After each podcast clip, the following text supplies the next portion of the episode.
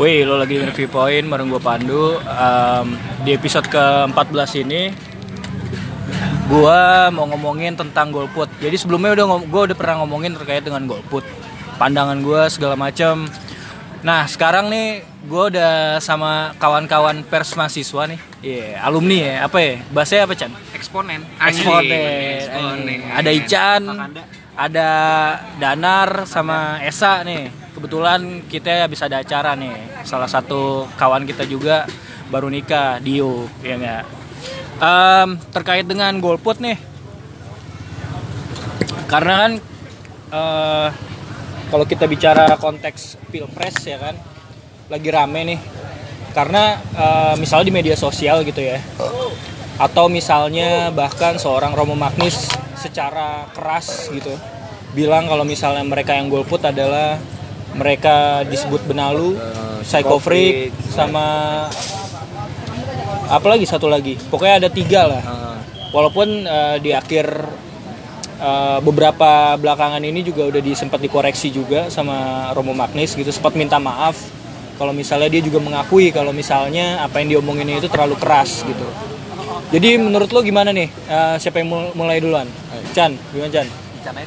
Lo, lo, deng- lo, lo kenalin dulu lo siapa? gue gini gua, Aktivitas lo ngapain segala macem? aktivitas gue sebenarnya sih nyerempet aktivitas gue tuh bikin kulit gitu kan. Gue bikin gue bikin kita semua teman-teman gitu kita bikin koperasi. Ko- koperasi itu artinya koperas koperas nggak ada isi. Jadi sebenarnya kita kerja nggak kerja pun dapat duit gitu anjir. Gokil kan? Nah koperasi gitu sih koperasi niat koperasi sebenarnya kerjasama gitu kooperasi anjing gue cuman menyempurnakan kata itu aja yang sebenarnya udah sempurna gitu Panjang Oh iya. Jadi gitu. Nah, gue cuma seorang penjahit yang lagi ngelihat eh, ini diskursus atau wah, anjing diskursus ya kayak anak kuliahan S2 UI gue. Itu ESA. gue kan nggak kuliahan gitu. Nah, gue ngelihat wacana golput itu lagi eh, apa marak banget ya masuk ke ke depan halaman rumah lu anjing. Lu kan kayak lu ngerti kan depan halaman rumah kayak lu beli koran hari ini langsung datang ke rumah lu kayak link berita gitu. Itu datang ke halaman rumah lu gitu.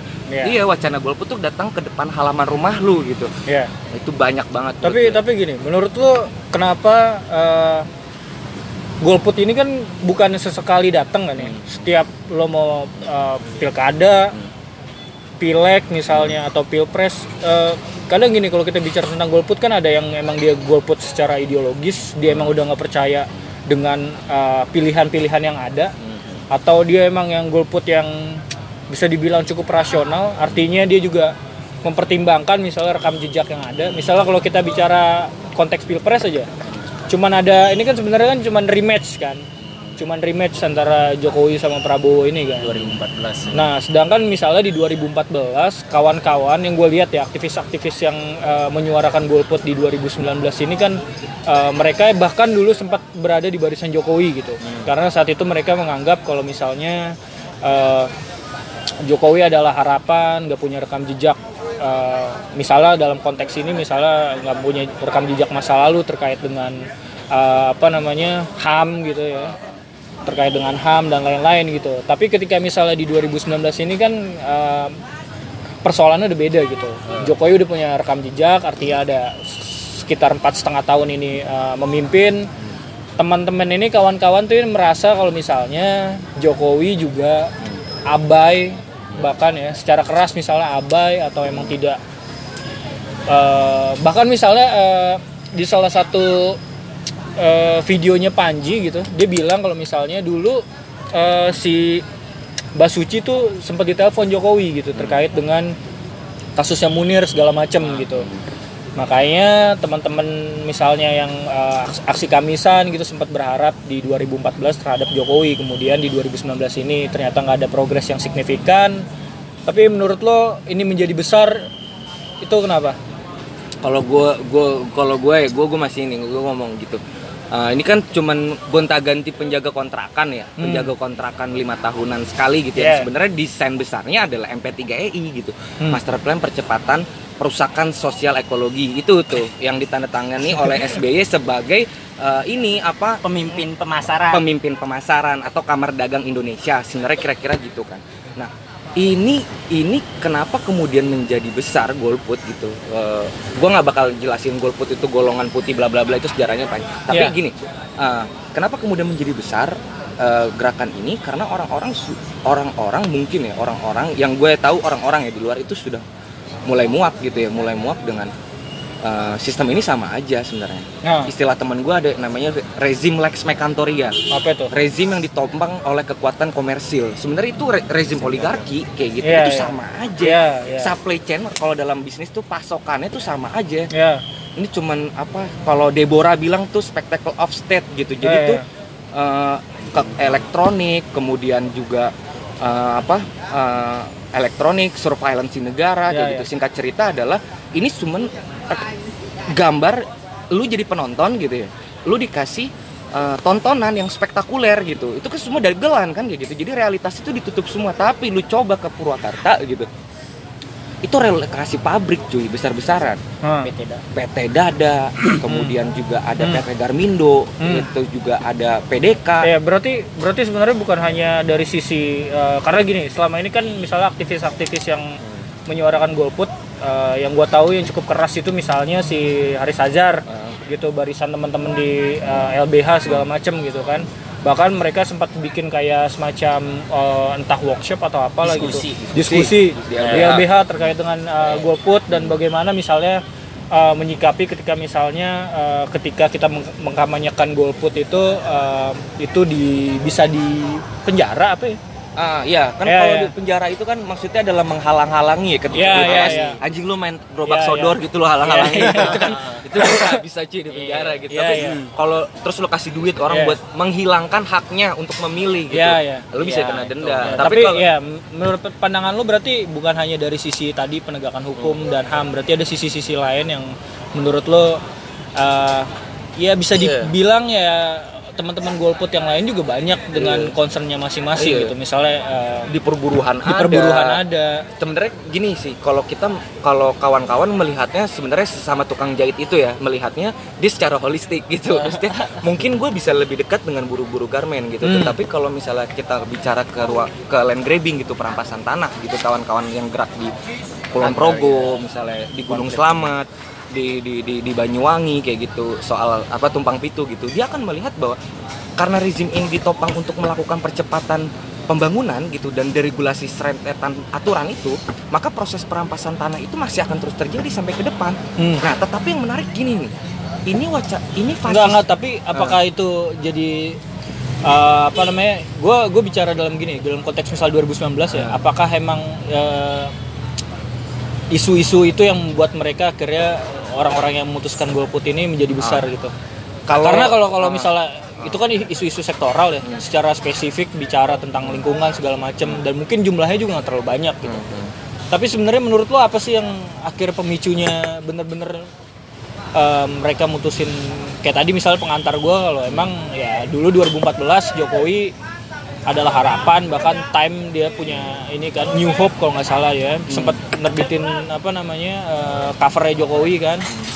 New Hope gitu kan. Sedangkan ketika misalnya sekarang udah berjalan punya rekam jejak ibaratnya Jokowi udah punya rekam jejak itu tadi banyak eh, ternyata isu-isu yang sebelumnya dijanjikan di 2019 ini juga belum selesai gitu. Tapi menurut gua menurut lo concern utamanya apa sih?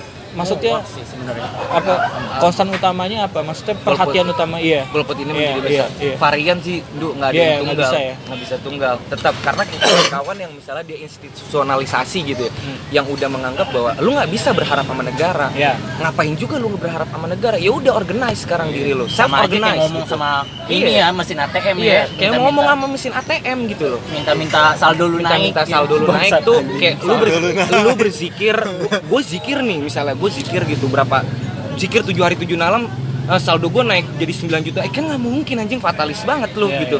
lu nggak bisa per- apa percaya sama mesin ATM kayak gitu ataupun yang tadi gue bilang menaruh nasib lu Iya, ke orang menarik- lain nggak yang bisa. itu tapi lu percaya sama demokrasi?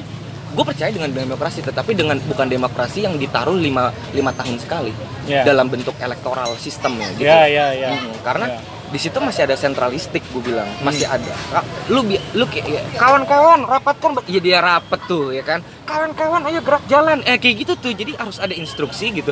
Itu adalah isi itu adalah bentuk kekuasaan juga. Iya, ada kontradiksi juga dalam suatu aksi juga Iya, kan iya. gitu. Yang maksud- orang menyuruh kawan-kawan gitu Iya, kan ada jadi instruksi. itu menurut gue adalah itu kuasa juga. Lu bisa nggak sekarang bergerak gitu dengan self self apa self organize gitu. Kalau misalnya lu WSM worker self organization membentuk eh, apa jejaring eh, kehidupan atau istilahnya adalah culture eh, apa collective action culture membentuk budaya eh, kolektif itu lagi gitu loh yang kemudian hari ini sudah diserpi-serpi dicaca-caca habis-habis lu hidup isolate gitu terisolasi gitu Tapi Iya. mungkin ada nggak bayangan seperti itu kayak gitu? Ya banyak sih di Argentina. Di Argentina itu Ya, kemudian artinya maksudnya eh, alternatif ya. iya, lu lu golput gitu kemudian hanya selesai dicoblos atau lu Ah, iya, nggak iya, coblos lu tinggal coli misalnya kayak gitu. Itu terserah gitu, tetapi lu punya tanggung jawab. Lu harus lu setidaknya ngebangun ekonomi tandingan.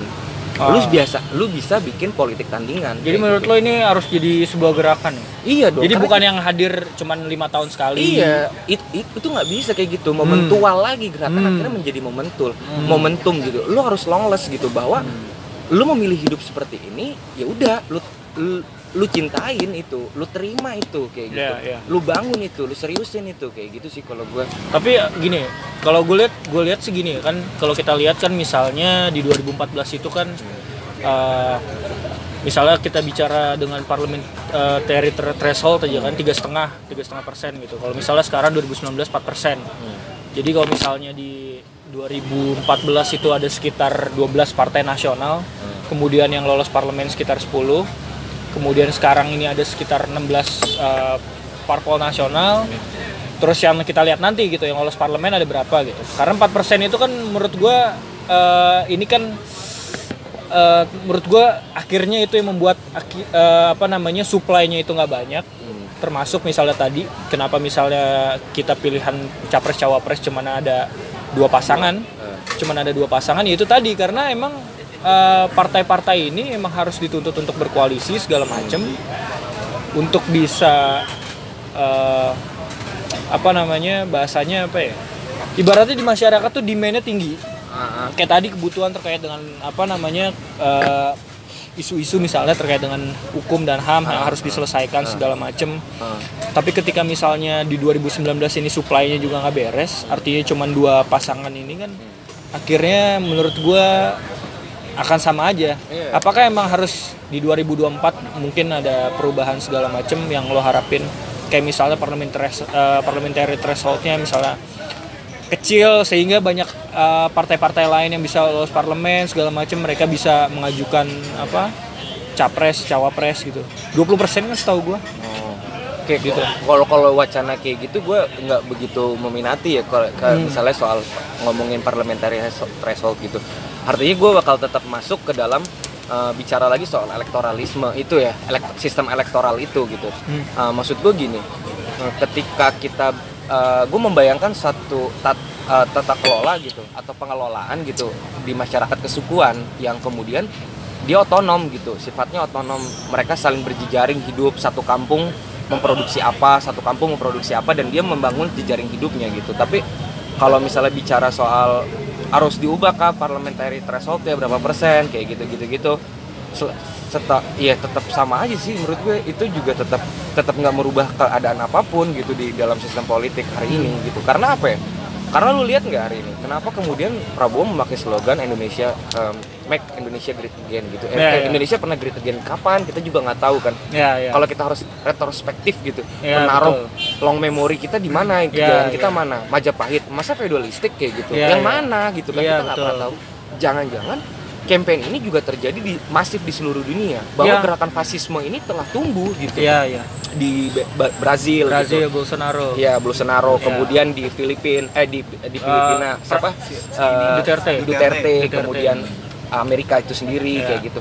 Putin juga Ya. gitu Rusia. Maksud gue percaya ini anjing gitu maksud gue ini udahlah de, deinstitusional aja gitu kita udah gitu lawan gitu anjing kalau hari ini kita harus bentrok ya udah bentrok gitu aja kalau gue sih Seran aja bisa ya. Seran di Meksiko iya itu. sekarang di Meksiko tuh bisa self organize gitu loh mereka bisa desanya apa kampungnya sendiri gitu Desa kecil itu. Heeh, karena bener hari ini kita nggak pernah punya poli, pol- blok politik tandingan yang serius gitu loh Ya. dikit-dikit kita centil ngerapet ke sini, dikit-dikit kita centil ngelapet ke sini. Terus bawa isu reforma agraria.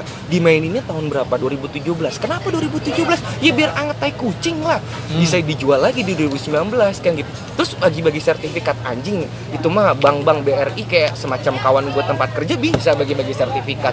Masa Jokowi bagi-bagi sertifikat? Iya dia kan juga calo sih gitu Iya, kan momentum IMF kayaknya ya. IMF gitu. Maksud gue eh, nggak nggak nggak semuanya sama. Eh, nggak nggak kemudian berjalan nih aneh gitu menurut gue aneh gitu. Yang terjadi hari ini tuh aneh gitu. Tapi berarti menurut tuh nanti siapa pun yang menang itu sama aja ya? iya gue tetap ngebangun ya itu blok blok ekonomi tandingan itu tetap harus Ya. dibangun. Karena hari ini pilihannya lo mau masuk ke dalam pipeline kapital atau kemudian lo ngebangun pipa tandingan sendiri kayak gitu mau nggak mau lu bangun pipa tandingan sendiri dengan mekanisme redistribusi kekayaan yang yang adil gitu bagi para eh, apa pekerja eh, buruhnya gitu kalau buruh mungkin bukan buruh tapi para pemiliknya gitu ya di koperasi lo ngebangun itu gitu kemudian tet- eh, lo memutuskan untuk masuk ke pasar tetapi dalam prinsip pengelolaan di dalam kalian sendiri adil kayak gitu. Itu, lo harus bangun itu sih menurut gue kayak gitu. Di mana pun ya, bentuknya apa pun ya. Eh, itu sih paling dulu kayak gitu Tapi ya, Self organize itu sih. ya berarti ya menurut lo tadi eh, bukan hanya sebagai gerakan yang hadir cuman ketika misalnya pilkada, Iya. pileg, tapi emang harus menjadi gerakan terorganisir. Iya. Artinya emang eh, dasar ketidakpercayaannya ini emang sama siapa pun yang akhirnya maju gitu. ya. iya Siapa yang disuplai ya udah emang gue nggak percaya aja gitu. Ki- kita kan kemudian Tapi kan bicara- kemudian ketika misalnya kita berada dalam suatu negara Hmm. untuk menyelesaikan sesuatu kan ya mau nggak mau kita tetap harus berharap dengan mereka kan. Ada institusi-institusi yang sebenarnya eh, kayak misalnya bicara tentang HAM gitu kan. Kita ada lembaga-lembaga yang emang concernnya di sana dan berharap kalau misalnya ada penyelesaian segala macam. Tapi ketika misalnya eh, teman-teman yang fokusnya kalau itu kan tadi dari sisi lo ekonomi kan dari mereka harus berdaya sendiri segala macam self organize tapi kalau misalnya teman-teman yang lain yang concernnya terhadap tadi hukum dan sama ham gimana itu menurut lo kan ya mau nggak mau kan emang harus diselesaikan lewat negara gitu kan Eh, eh, iya tapi- negara harus tu- turut campur tangan kan Iya artinya. kan ada ada litigasi ada non litigasi kan Iya. gitu maksud gue litigasi itu butuh permainan permainan yang panjang gitu 8 tahun 10 tahun Iya. PKI gitu pengadilan hubungan industrial atau kasus-kasus sengketa yang melibatkan warga dengan negara itu berapa puluh-puluh tahun gitu Iya. panjangnya apakah kemudian kita menumpukan semua harapan gitu kepada institusi yang bernama hukum itu yang yang yang yang kita kemudian taruh harapan itu di sana. Kan enggak juga. Artinya cara-cara non litigasi pun cara-cara lapangan gitu ya Hmm. kita harus tetap jalankan kayak gitu Iya, sih iya. menurut gue. Karena uh, kalau itu satu satu kerjaan di di lain gitu satu kerjaan yang lain kerjaan yang lain tetap harus dikerjakan kayak gitu. Bukan menumpukan semua harapan itu ke negara sih. Negara sifatnya hanya sebagai pelayan ya, Ya, kalau kita bilang mungkin jongos gitu ya. Hmm. jongos public servant itu ya jongos gitu pelayan publik gitu. Tapi menurut gue gini nih eh, kayak sekarang juga kan kayak pilkada sama pilpres ini langsung kan maksudnya barengan gabung, gue termasuk pihak yang gak setuju gitu. Karena kenapa? Eh, kalau kita bicara tentang eh, dua area ini sebenarnya pilkada sama pilpres tuh sama-sama penting menurut gue lo bicara pilpres lo bicara dari sisi eksekutifnya lo bicara eh, pileg gitu ya lo juga sebenarnya lo harus concern juga di sana gitu. Karena produk undang-undang dan lain-lain dan lo harus memastikan juga gitu orang-orang yang ada di sana tuh beres gitu. Karena sekarang kan concernnya ke pilpres kan banyak. Ya lo pembicaraan di media lah segala Media. macam. Jadi akhirnya orang tuh nggak sadar kalau misalnya nanti ketika di eh, bilik suara dia bakal nerima 5 surat suara cuy. DPD eh, DPRD DPRD. tingkat 2 tingkat 1 DPR pusat. sama pilpres kan pemilihan presiden gitu. Sedangkan ya itu tadi concernnya media segala macam bicara tentang pilpres. Sedangkan kita abai nih kalau misalnya dari sisi dari sisi legislatifnya juga penting gitu. Iya. menurut gua eh, makanya itu tadi gue nggak nggak terlalu sepakat dengan apa namanya misalnya pilpres sama pileg ini dibarengin kayak gitu. Oke oke. Hmm. gimana nar? Menurut lo gue gue di ini ya makanya kayak tadi gue bilang ini bukan lagi tentang aturan-aturan sih kalau gue ngeliat Iya. aturan-aturan permainan elit kalau gue bilang mau diatur eh, threshold kah kayak gitu mau atur gabung kah kayak gitu tetap aja sih sistemnya kayak begitu gitu loh bahwa eh dapilnya siapa kayak gitu Ya, lo- lo nggak kenal gitu kan? gue nggak kenal Lo gitu kenal. loh gue nggak kenal gitu dan tiba-tiba dia yang mewakilin Iya, wilayah iya. gue sendiri Iya, iya. kayak gitu Iya. siapa dia gitu dalam arti ah ini omong kosong lah kayak gitu nah makanya kayak gue pernah ini sih ngelihat bahwa Surya punya tatanan Surya ya negara kecil itu yang terhimpit di eh, Arab gitu yang dia tempat tanah perang sebenarnya itu Iya. tanah perang di mereka Arab eh, apa nih negara-negara Arab tuh di situ berperang di tanah Surya ini sendiri gitu dan mereka mau memperjuangkan tanah mereka itu kayak gitu Iya. mereka mau memperjuangkan mereka nggak nggak ditindas lagi kayak gitu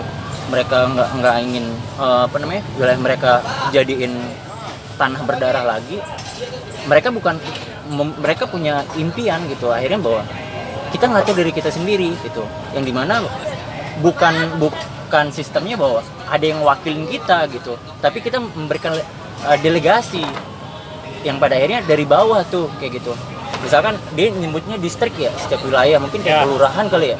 Kelurahan atau kecamatan gitu nah di satu wilayah itu mereka rembut tuh kayak gitu Hmm. kita ngebutuhin apa nih kita ngebutuhin uh, lampu atau uh, jalanan perlu diperbaiki Ya, ya. atau kita butuh butuh ini Iya, nih iya. butuh pendidikan di sini model gitu. demokrasi langsung gitu demokrasi langsung kayak Ya. gitu loh oke uh, nanti lu ajuin ya kalau ke atas oke gua ajuin nih kayak gitu ada yang uh, ada yang sebagai bertugas sebagai yang ini pendelegasinya dan itu bisa diganti dan dia Ya. tidak sifatnya tidak permanen Iya. kayak gitu dan dia Oh. hanya pem- pen- penyampai Tapi suara penyampai penyampai suara kayak Bukan gitu partai, di dia bukan melalui Bukan, partai. bukan Bukan. partai Dia orang biasa. orang biasa kayak gitu dan sampai ke atas sampai ke atas sampai sampai semua distrik itu ketemu kayak Heeh. gitu Tapi Dan sebenarnya majelis kalau- umum iya. di majelis tingginya umum majelis assembly Kalau di- kayak gitu Ya, kalau di kita mungkin DPD ya, tapi gue juga nggak jelas perannya DPD apa gitu.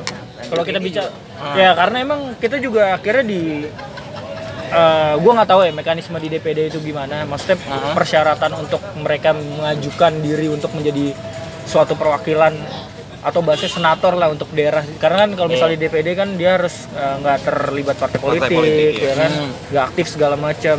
Tapi sebenarnya itu tadi perannya sendiri juga akhirnya menurut gua hampir bisa dibilang nihil lah terkait dengan isu-isu ter- eh, kedaerahan gitu. Karena emang mereka bisa mengajukan sendiri gitu. Eh, apa namanya membikin draft RUU bisa gitu. Ngajuin misal langsung ke DPR dibahas segala macam di situ. Misalnya eh, concern-concern terkait dengan spesifik eh, isu tertentu di misalnya di daerah yang akhirnya ini juga terjadi juga di misalnya provinsi-provinsi lain. Mereka bisa bikin draft RUU itu gitu. Kemudian untuk kemudian dibahas ke eh, sama DPR tapi menurut gua perannya sekarang kan gue juga nggak jelas gitu itu DPR yang memutuskan tetap tetap Tetap. nah, di situ. Melalui pro, prolegnas Tetep. biasanya. Ya lewat prolegnas segala macam kan stepnya banyak tuh. Iya maksud gue akhirnya kan tetap ada ada ada orang yang mempunyai otoritas di, di tingkat ada kuasa Iya, di tingkat legislatif itu ada orang yang punya otoritas untuk mengesahkan undang-undang yang diajukan oleh DPD kan kayak gitu kan. Ya. Maksud gue gitu. Nah, akhirnya orang biasa ini sebenarnya nggak punya kekuasaan, nggak punya kekuatan apa pun kayak gitu. Tetap saja kekuatan apapunnya ditentukan gitu oleh otoritas yang lebih tinggi itu gitu. Jadi oto- karena sifatnya hierarkis kan Iya. seperti itu. Nah, rantai-rantai hierarkis itu seperti yang membu- yang membuat kita hari ini eh, subjek to individu gitu individu tuh ditundukkan terhadap kekuasaan-kekuasaan itu terhadap otoritas-otoritas itu Iya. gitu nah individu kemudian nggak bisa menyampaikan apa pun gitu Iya. karena nggak ada ruang bermainnya karena nggak ada ruangnya karena demokrasi langsung itu nggak ada gitu Iya. kita nggak pernah karena karena kita nggak pernah diajak untuk berbicara apa yang sedang terjadi hari ini gitu makanya mungkin kita lari ke podcast kali ya iya mungkin hari ini kita bisa larinya ke sini ini sebagai ruang Alternatif. alternatif, Iya, Alternatif. Ya, ya. walaupun Margaret Thatcher bilang TNIA there is no uh, alternatif. Dia bilang kayak gitu, there Ya. is no alternatif. Ya, salah satu cara, salah satu caranya adalah kapitalisme. Dia bilang kayak gitu. There's no free lunch Iya, dia kalau bilang kayak misalnya gitu. Reagan ya. Nah, kalau Re- Donald Reagan, Eh. Nah, kalau Thatcher bilang gitu, there is no alternatif. Dibilang gitu ya udah berarti kalau nggak ada alternatif kita bikin tandingan Iya. itu aja Ya makanya sebenarnya eh, kayak misalnya kita bicara tentang media, banyak juga misalnya sekarang itu tadi banyak misalnya media-media alternatif. Orang sekarang udah gampang untuk mempublikasikan dirinya sendiri gitu. Dia sebagai editornya, dia juga sebagai eh, apa namanya eh, bintang tamunya. Kayak misalnya podcast banyak yang garap sendiri, dia yang editing, dia yang publish segala macem. Ya mereka akhirnya itu tadi mungkin salah satunya adalah ketika misalnya media itu seharusnya perannya uh, benar gitu ada tanggung jawab publik gitu misalnya kalau radio misalnya frekuensi publik bicara frekuensi publik TV segala macam. Ketika mereka merasa jengah dengan apa yang diberitakan akhirnya mereka ya itu tadi mungkin kalau dari sisi ekonomi tadi dengan lo yang self apa tadi self organize self organize dengan uh, apa namanya dengan cara misalnya mengorganisasi kebutuhan Iya. uh, apa namanya kebutuhan cash dan non cashnya ya kebutuhan hidupnya segala macam. Misal dari dalam konteks media sebenarnya udah ada gitu, banyak juga dijalankan sama banyak orang juga gitu. Ketika misal mereka udah nggak percaya, apalagi sekarang media tuh kayak menuhankan Nielsen kan, Lo tahu sendiri. sebagai data Nielsen. utama lah. Iya sebagai Di data datanya. sebagai data primer segala macem. Dan Iya. kemudian akhirnya masyarakat disuguhkan dengan uh, jujur aja gue tuh nggak nggak nonton TV cuy. Gue ada kam di di kamar ada TV dan gue nggak nonton TV gue nonton nonton TV aja buat nonton bola aja udah gitu. Selebihnya gue bisa cari sendiri on demand. Iya. gue nonton film bisa di Netflix bisa di YouTube segala macem gue pengen cari informasi apa bisa di YouTube di podcast segala macem maksudnya banyak media alternatif yang emang orang udah aware kalau misalnya ternyata apa yang disuguhin ke masyarakat itu juga Toxic. toxic Iya. jatuhnya Iya. sampah gitu kan akhirnya mereka memproduksi sendiri dengan eh, tapi walaupun gitu tetap ada uh, yang mengusung misalnya mengusung media yang kemudian mengusung uh, Nih, apa? kita nggak apa-apa nih dari golput Iya, nih iya. nggak apa-apa Balik ngalir aja media gitu karena itu Ngalir masih aja. satu cerita juga Ngalir kan aja, gitu. walaupun begitu ada juga media-media yang kemudian golput tapi framing-framingnya yang bicara juga soal elektoral Oh, iya. gitu. framing-framingnya kemudian uh, menerima dana-dana dari semen kan kayak gitu tetap aja gitu maksud gue apa Tirto iya kayak Tirto aja yang dari ya. Indonesia kayak gitu kan Iya. ya ya akhirnya konsistensi tetap lu bicara konsistensi lu bicara logistik tapi logistik menurut lu kuat gue nggak? cukup nggak adil juga ketika misalnya eh, ketika yang terakhir blunder yang eh, Tirto yang infografis tau nggak lo? yang soal terkait dengan ini apa namanya eh, zina yang dilegalisir apa segala macam. Oh iya iya di yang- Twitter oh, Twitternya si Tirto Tirto, sampai iya, akhirnya iya, dia mempublikasi dengan minta maaf Minta segala macam. Tapi menurut gue dengan kita juga banyak orangnya gue menghakimi Tirto menurut gue nggak adil juga. Karena menurut gue salah satu ya terlepas dari tadi menerima dana apa segala macam ini kan lebih kayak eh, it- eh, apa namanya mereka operasionalisasinya juga butuh itu juga akhirnya. Benar. tapi kalau menihilkan kerja-kerja Tirto juga menurut gue nggak adil. Nah makanya gini, lu harus tarik garis demarkasi yang jelas makanya.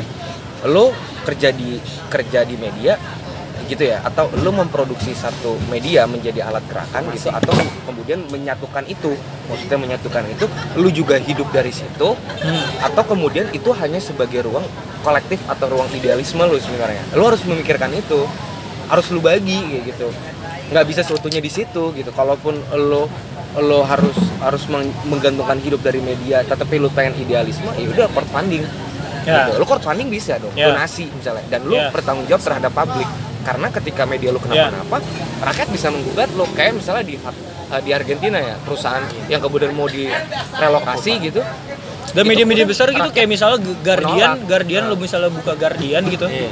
Lo ketika misalnya buka page-nya mereka, di bawahnya tuh ada tulisan gitu kayak misalnya untuk lo mendonasikan Ah. pe- lo pengen donasi nggak donasi Oh, untuk iya. eh, para jurnalis kita yang gini gini gini segala macem dan menurut gue itu sah sah aja gitu sah-sah aja Iya, gitu daripada benar, benar. daripada Setuju kemudian lu aur-auran ngomongin Iya. pagar api eh, kayak istilah Iya, pagar api gitu kali ya. pagar api lu nggak jelas kalau di koran kan gitu Iya. atau investor lu sebenarnya lu nggak punya screening Iya. gitu Iya. dia siapa dia siapa Iya. gitu artinya lu bener-bener ya split aja gitu sebagai subjek yang split gitu ya artinya ibaratnya walaupun lo eh, nggak dapet iklan tapi lo bisa dapet crowdfunding tadi Iya. ya Ya. Dan menurut gue belum ada media di Indonesia yang kayak gitu sih. ya udah Maksudnya kita se- organize aja kita buat aja Enggak, Nice. Kagak secara jelas misalnya di bawahnya ketika misal di bawah artikel itu dijelasin kayak gitu.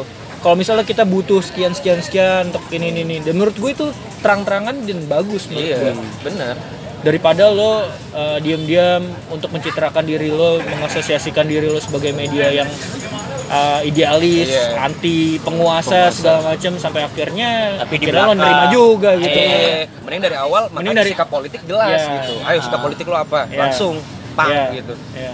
Jangan tiba-tiba double agent ternyata kan kayak gitu. Bahaya juga kan Hmm. gitu. Itu sih paling. Lalu gimana lagi? iya mau ngomong apa lagi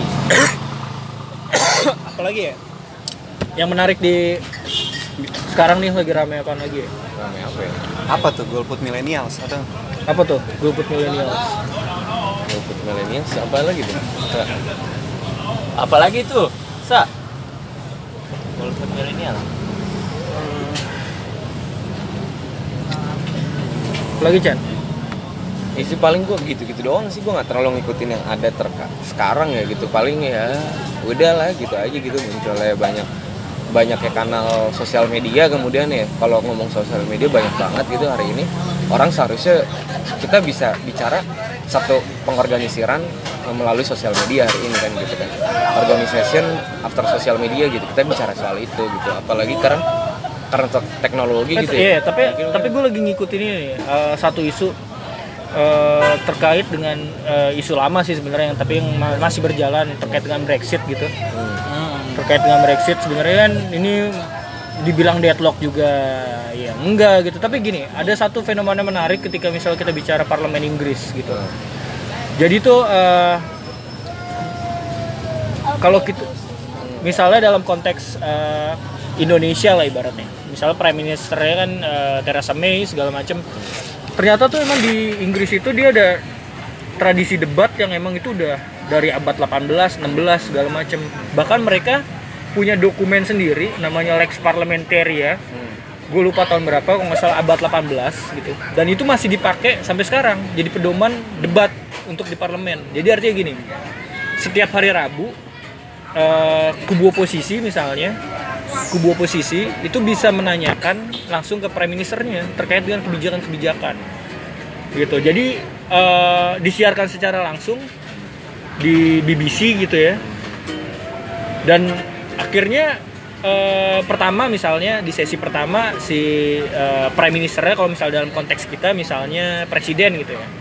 Jokowi misalnya menja- menjabarkan apa yang dilakukan dan agenda-agenda apa yang udah berjalan evaluasi eh, apa namanya eh, kemudian apa agenda-agenda lain yang pengen dijalankan. Kemudian di kubu oposisinya itu misalnya partai-partai ini dia menggalang eh, apa namanya menggalang bahasanya gini eh, kalau di kalau di Inggris tuh dia dia harus diwakilin sama pemimpin oposisinya. Partai-partainya. Ah. Kalau misalnya di Inggris kan si Corbyn tuh diwakilin sama dia dan dia konfrontasi di situ konfrontasi di situ. Namanya kalau misalnya lo searching di YouTube tuh namanya prime, prime, prime Minister Questions di YouTube. Dan itu gila-gilaan. Artinya tuh si prime ministernya itu dikurung dalam suatu ya itu tadi ruang parlemen tadi. Dikerubungin sama ibarat kalau di sini anggota DPR-nya si si Mei itu ngejelasin terkait dengan kebijakan-kebijakan yang diambil. Kemudian ada sesi di mana dikonfrontasi sama pemimpin oposisinya konfrontasinya lebih ideologis ya kira-kira ya terkait dengan kebijakan-kebijakan semuanya dia mewakili ideologis partai nggak Iya, iya, kan? iya. kan hari ini kita partai kita ideologinya apa kan gitu kalau Iya, misalnya iya, kita kilas iya. balik ya, re- Iya. re- refleksi lah sama Iya. negara kita kita nggak punya corak yang benar-benar dia ideologis gitu Iya. akhirnya kan hanya sebagai kalau mau dibilang populisme kanan gitu kan hari ini Iya. Eh, partai partai-partai hari ini ya Semuanya. hampir semuanya gitu. Iya, iya. gitu nah kalau seperti itu kan kemudian ya misalnya dari partai rakyat pekerjaannya misalnya kalau di atau partai buruhnya Hmm. Iya. kemudian mewakili eh, apa dia ideologi ideologis gitu ya segala kebijakan ini kait di- dibicarakan soal bagaimana ya soal ketenaga kerjaan Iya. soal perburuhan sistem perburuhan ya. gitu ya misalnya dalam konteks misalnya dalam konteks Indonesia gitu ya kenapa kita nggak bisa buat hal yang sama gitu gak usah satu minggu sekali misalnya let's say sebulan sekali itu disiarkan secara langsung artinya eh, misalnya sebagai presiden dia menjabarkan apa yang diinin kemudian kubu, kubu oposisinya juga mengkonfrontasi di situ. Akhirnya tradisi debat itu ada dan masyarakat itu bisa melihat kerja-kerja yang misalnya kita dalam konteks eh, apa namanya daerah aja. Meeting-meeting yang di Jakarta kan sempet gitu kan Ahok Ahok sempat menginisiasi itu ada video segala macem Itu ada deh. itu kan sebenarnya buat transparansi segala macam. Kenapa nggak bisa dibawa ke nasional? Nah, itu sih gue juga nggak paham. Kenapa artinya menurut gua sebagai masyarakat itu tadi kita tuh pertama kita nggak bisa munculin eh, alternatif-alternatif misalnya untuk yang mewakili daerah kita gitu ya kayak tadi kita nggak kenal siapa sih yang dipajang di pohon-pohon ini kita nggak paham segala macam bahkan mereka juga nggak ngobrol sama kita nggak ngajak ngobrol sama kita bahasa gitu Iya, kan. iya. artinya kita cuma disodorkan segala macam itu tadi. Kenapa ini menjadi penting ya? Ketika misalnya akhirnya kita tahu nih kualitas anggota dewan kita itu kayak gimana kualitas pemerintah kita kayak gimana dan menurut gua akan mendorong bukan hanya tadi tradisi debatnya tapi akuntabilitas dari pemerintahan itu sendiri menurut gua dan Iya. itu bisa di apply di sini seharusnya gitu karena itu tadi di Indonesia itu kan kebanyakan ketika lo udah terpilih lo udah dilantik selesai kan anggapannya gitu bahkan dari kitanya sendiri rakyatnya sendiri menganggap itu mungkin sebagian banyak masyarakat menganggap itu ya udah selesai ya kita lihat lagi lima tahun ke depan siapa yang Pilih. dimajuin lagi gitu Majuin lagi. Iya. Sebenarnya lebih arah lihat ininya sih apa kalau gua eh, oke te- kita ingin membangun tradisi debat gitu. Kemudian tradisi debat dibangun gitu masyarakat akan lebih kritis kan gitu Iya. kan. Harapannya krit- itu. Harapannya begitu Iya. kan. Maksudnya memicu kri- eh, eh, critical perspektif dari Iya. masyarakat kan. Nah, dan ngerasa sebenarnya ya itu tadi anggota DPR ngerasa dipantau Iya, iya. presiden ngerasa dipantau dan disiarkan secara langsung Ah, ah. gitu Oke, gitu. Ah, sekarang kita lihat coba kemudian secara ekopol jejaring oligarkis gitu di antar dua kubu bisa nggak kemudian ditembus? Ah Dia menguasai apa? Dia dia mengerjakan apa? Dia di- dia dia punya bisnis apa kayak gitu. Itu kan satu hal yang untouchable gitu ya. Nggak, Yang nggak bisa nggak bisa tersentuh. gitu. Nggak bisa tersentuh gitu. Ya, ya ini menurut gue eh, kemudian oke tradisi debatnya kita menjadi apa komentariat gitu ya kelompok yang banyak berbicara di sosial media tapi sebenarnya kita nggak bisa nembus kekuasaan Iya. gitu. Kenapa? Karena kita Nggak punya akses ke sana. Iya, itu satu akses kita nggak punya. Yang Iya. kedua kita mengorganisir hanya di sosial media. ya Kenapa? Karena cuma ribut sendiri Iya, dan kita diketawain sebenarnya Iya, kita diketawain ya lu Iya. siapa gitu. Iya. Kecuali lu bangun lu bangun people power gitu kan kekuatan rakyat Iya, gitu, iya. untuk men- men- mendorong. Dorong. Tapi kan yang sekarang Amin Rais ngubah people power untuk ngawasin KPU. Anjing kan Itu goblok. Kata-kata itu makin diubah-ubah gitu maknanya.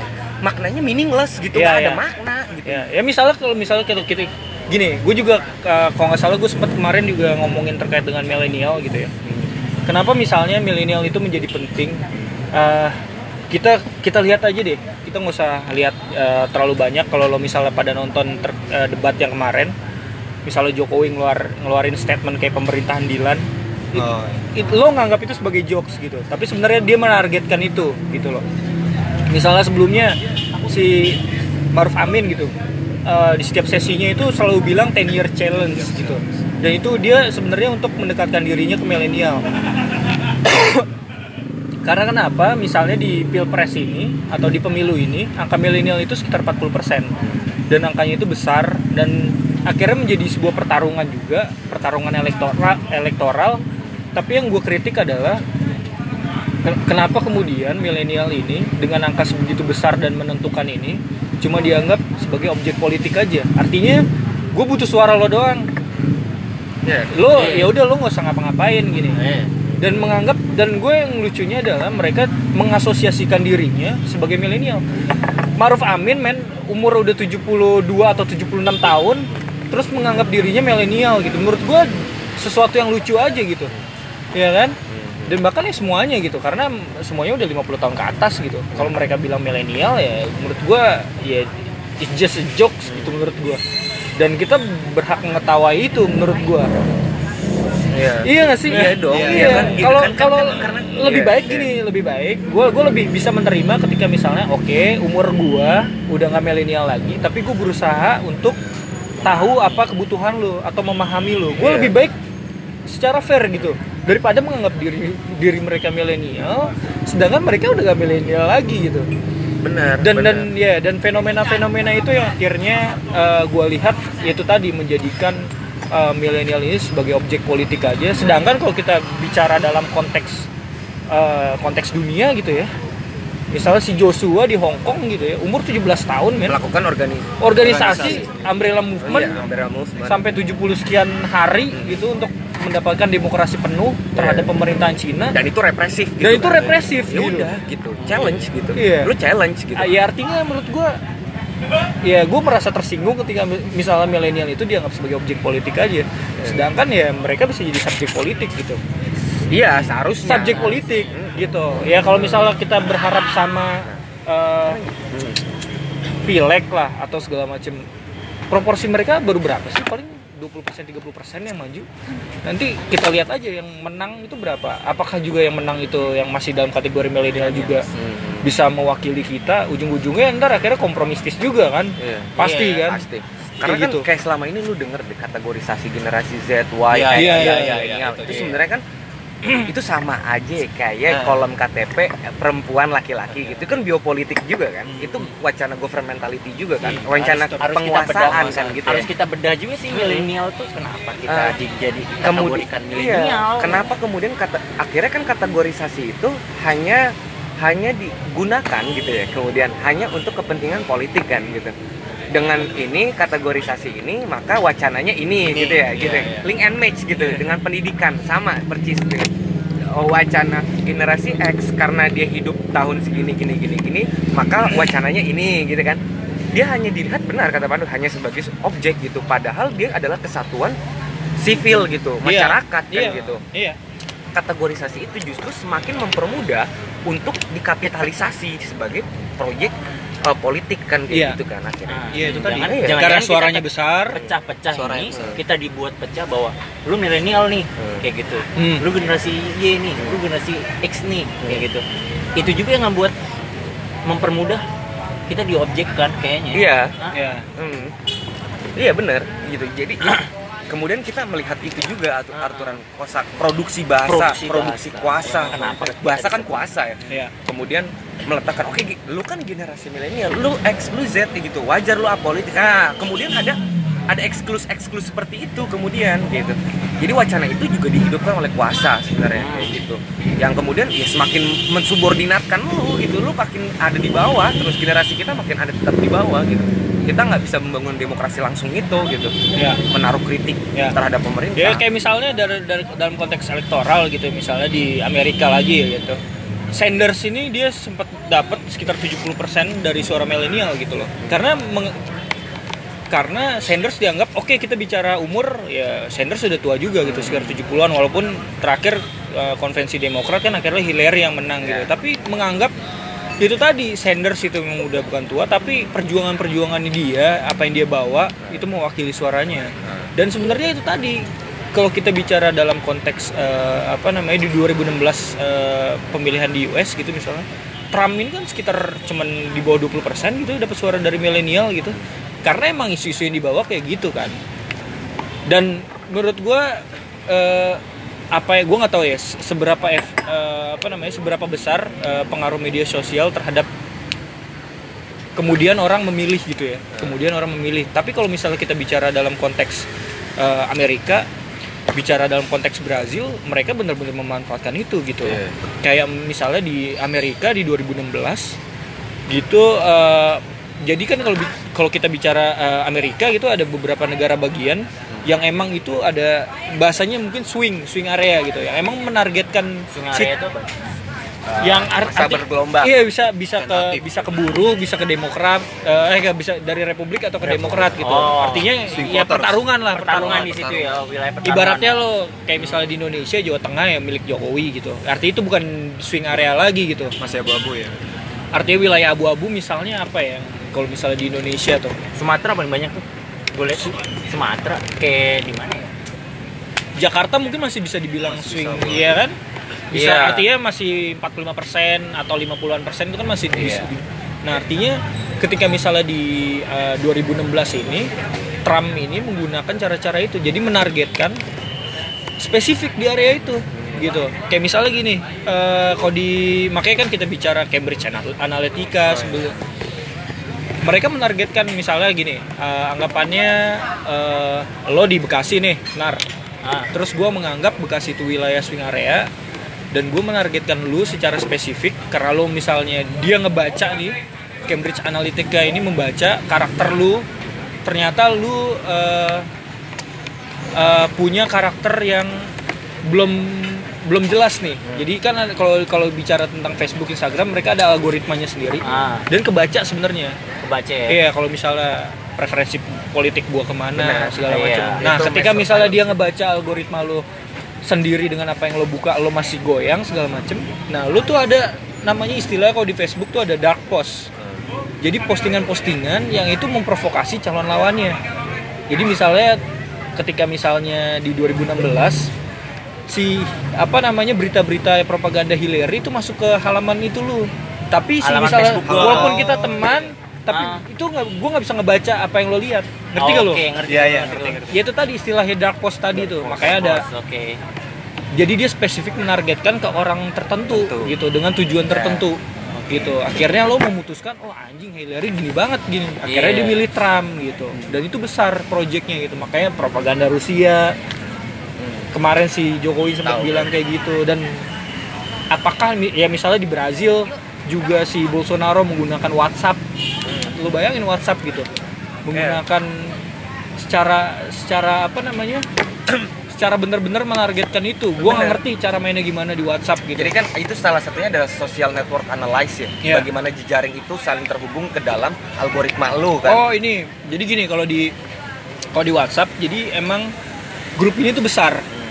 Grup ini besar dan dia kalau nggak salah dia mengelompokkan menjadi tiga kelompok kalau nggak salah. Jadi artinya emang yang eh, orang-orang atau grup yang emang ini orang-orang ini isinya dia yang die hardnya artinya ibaratnya Jokowi banget Prabowo banget. Mau berita tentang Jokowi gue tetap Prabowo gitu. Iya.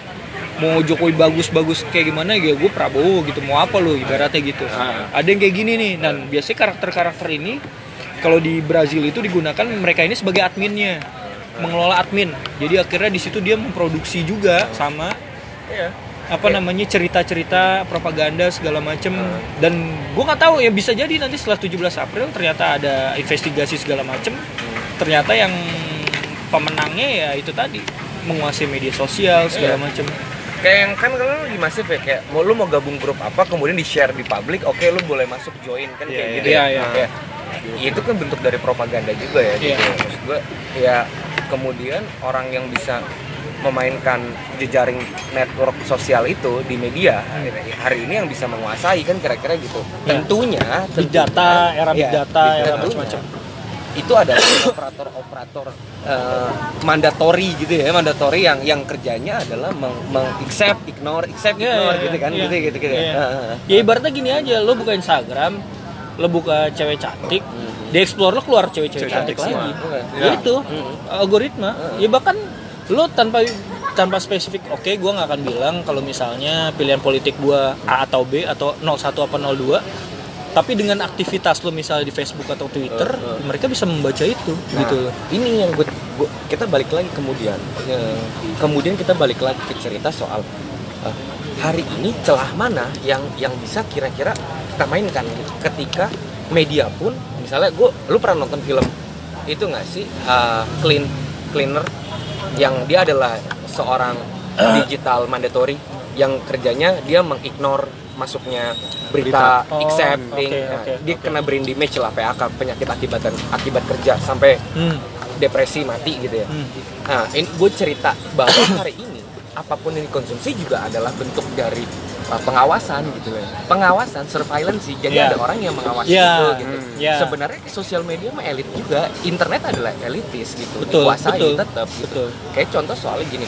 Uni Emirat hari ini sedang perang dengan cyber security. ya Uni Emirat membuat black matters yang isinya adalah itu tulisannya Snowden ya. Hmm. Itu isinya adalah orang-orang dari eksponen Mossad gitu, Israel ya, tentara Israel, kemudian CIA Hmm. Yang kemudian itu project dia untuk menangkap El Chapo di Meksiko, klien pertama. Yang kemudian itu yang terakhir di Uni Emirat dia menangkap Al Al Mansur. Al Mansur itu aktivis demokrasi. Hmm, hmm. sebelumnya di di di di, disabotase dulu tuh. ATM-nya dia 14.000 ribu dolar. Kemudian Iya. keluarganya diteror dan dia ditangkap gitu hari ini kemudian ketika kita bicara uh, uh, industri 4.0 gitu Iya, ja- iya. jangan-jangan kita sedang membangkitkan mass surveillance besar-besaran Iya. pengawasan negara terhadap rakyat Oh iya, betul. Heeh. betul. yang kemudian yang dikasih adalah spektakulum aja udah spektakuler gitu eh, penon lu jadi tonton lu menonton yang spektakuler aja gitu. Ya menurut Semakin iya benar-benar. benar. Ketika misalnya di era big data, era apa segala macem, di satu sisi gue, eh di satu sisi gue juga ada sisi positif tentu ada Iya, sisi iya. negatif apa pun itu kan ibaratnya. Sikap dika- politik lo aja di lo dikasih pisau bisa jadi bagus bisa jadi enggak gitu kan. iya dong ilmu pengetahuan juga gitu Ilmu pengetahuan juga gitu. Makanya sekarang juga banyak yang lucu-lucu kan nih. banyak banget Iya. yang jadi Jadi siapa pelawak lah, ya? jadi pelawak ya kemudian dia adalah pengakademik apalah itulah Iya. kemudian jadi eh, apa eh, kacung negara gitu kan gitu bisa banyak gitu Iya, iya. Ya, eh, menurut gue ya itu tadi bisa bagus, bisa enggak gitu ya. Era 4.0 lah, revolusi industri 4.0 ini, era big data. Terus eh, akhirnya gini, ini satu kesatuan ya sih eh satu kesatuan. Ini satuan-satuan yang terpisah, menjadi satu menjadi kesatuan yang bicara tentang hari ini adalah surveillance sih sebenarnya. Iya. Gitu. Iya, iya. Lu nggak bisa cuman ngomong golput ketika lu nggak ngerjain yang mana gitu. Iya, iya. Karena semua area hari ini adalah medan pertarungan gitu maksud gue sih. Ya, ya. Jadi lu tanggung jawab lu tuh nggak cuman kelar gitu. Oke golput tapi lu nggak ngelakuin apa-apa. Hmm. Kayak gitu. Nggak bisa.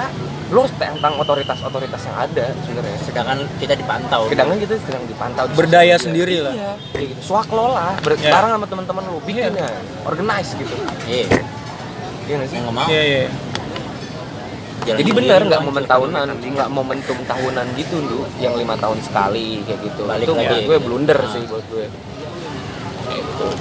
Jadi ya maksud gue ya apa pun area pertarungan lo ya, Nah, ya berharap tentu ya ada perlu lo berharap juga gitu karena emang bicara demokrasi ya bicara elektoral juga kalau itu sesuatu yang artinya lo harus terima juga di Indonesia gitu kan tapi kemudian nggak bisa benar-benar lo berharap sama mereka siapa pun dia gitu ketika misalnya demand kita tinggi misalnya orang-orang yang concernnya ke HAM penyelesaian kasus HAM dong gitu. Nggak usah terjauh nggak usah jauh-jauh deh.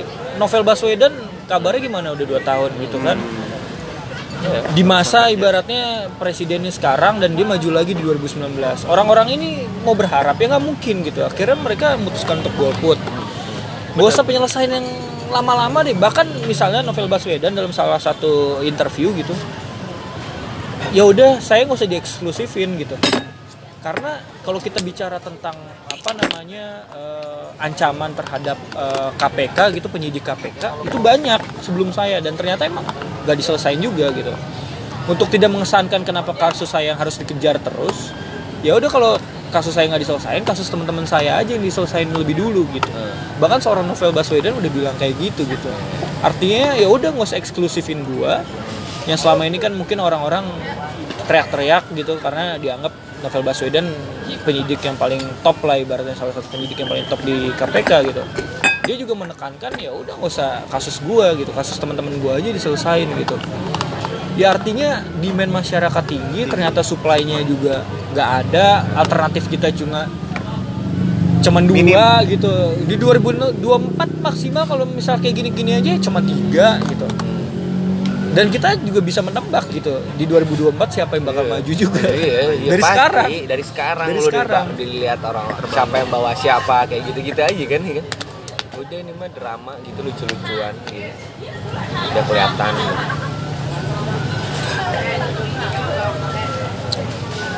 Udah? Udah.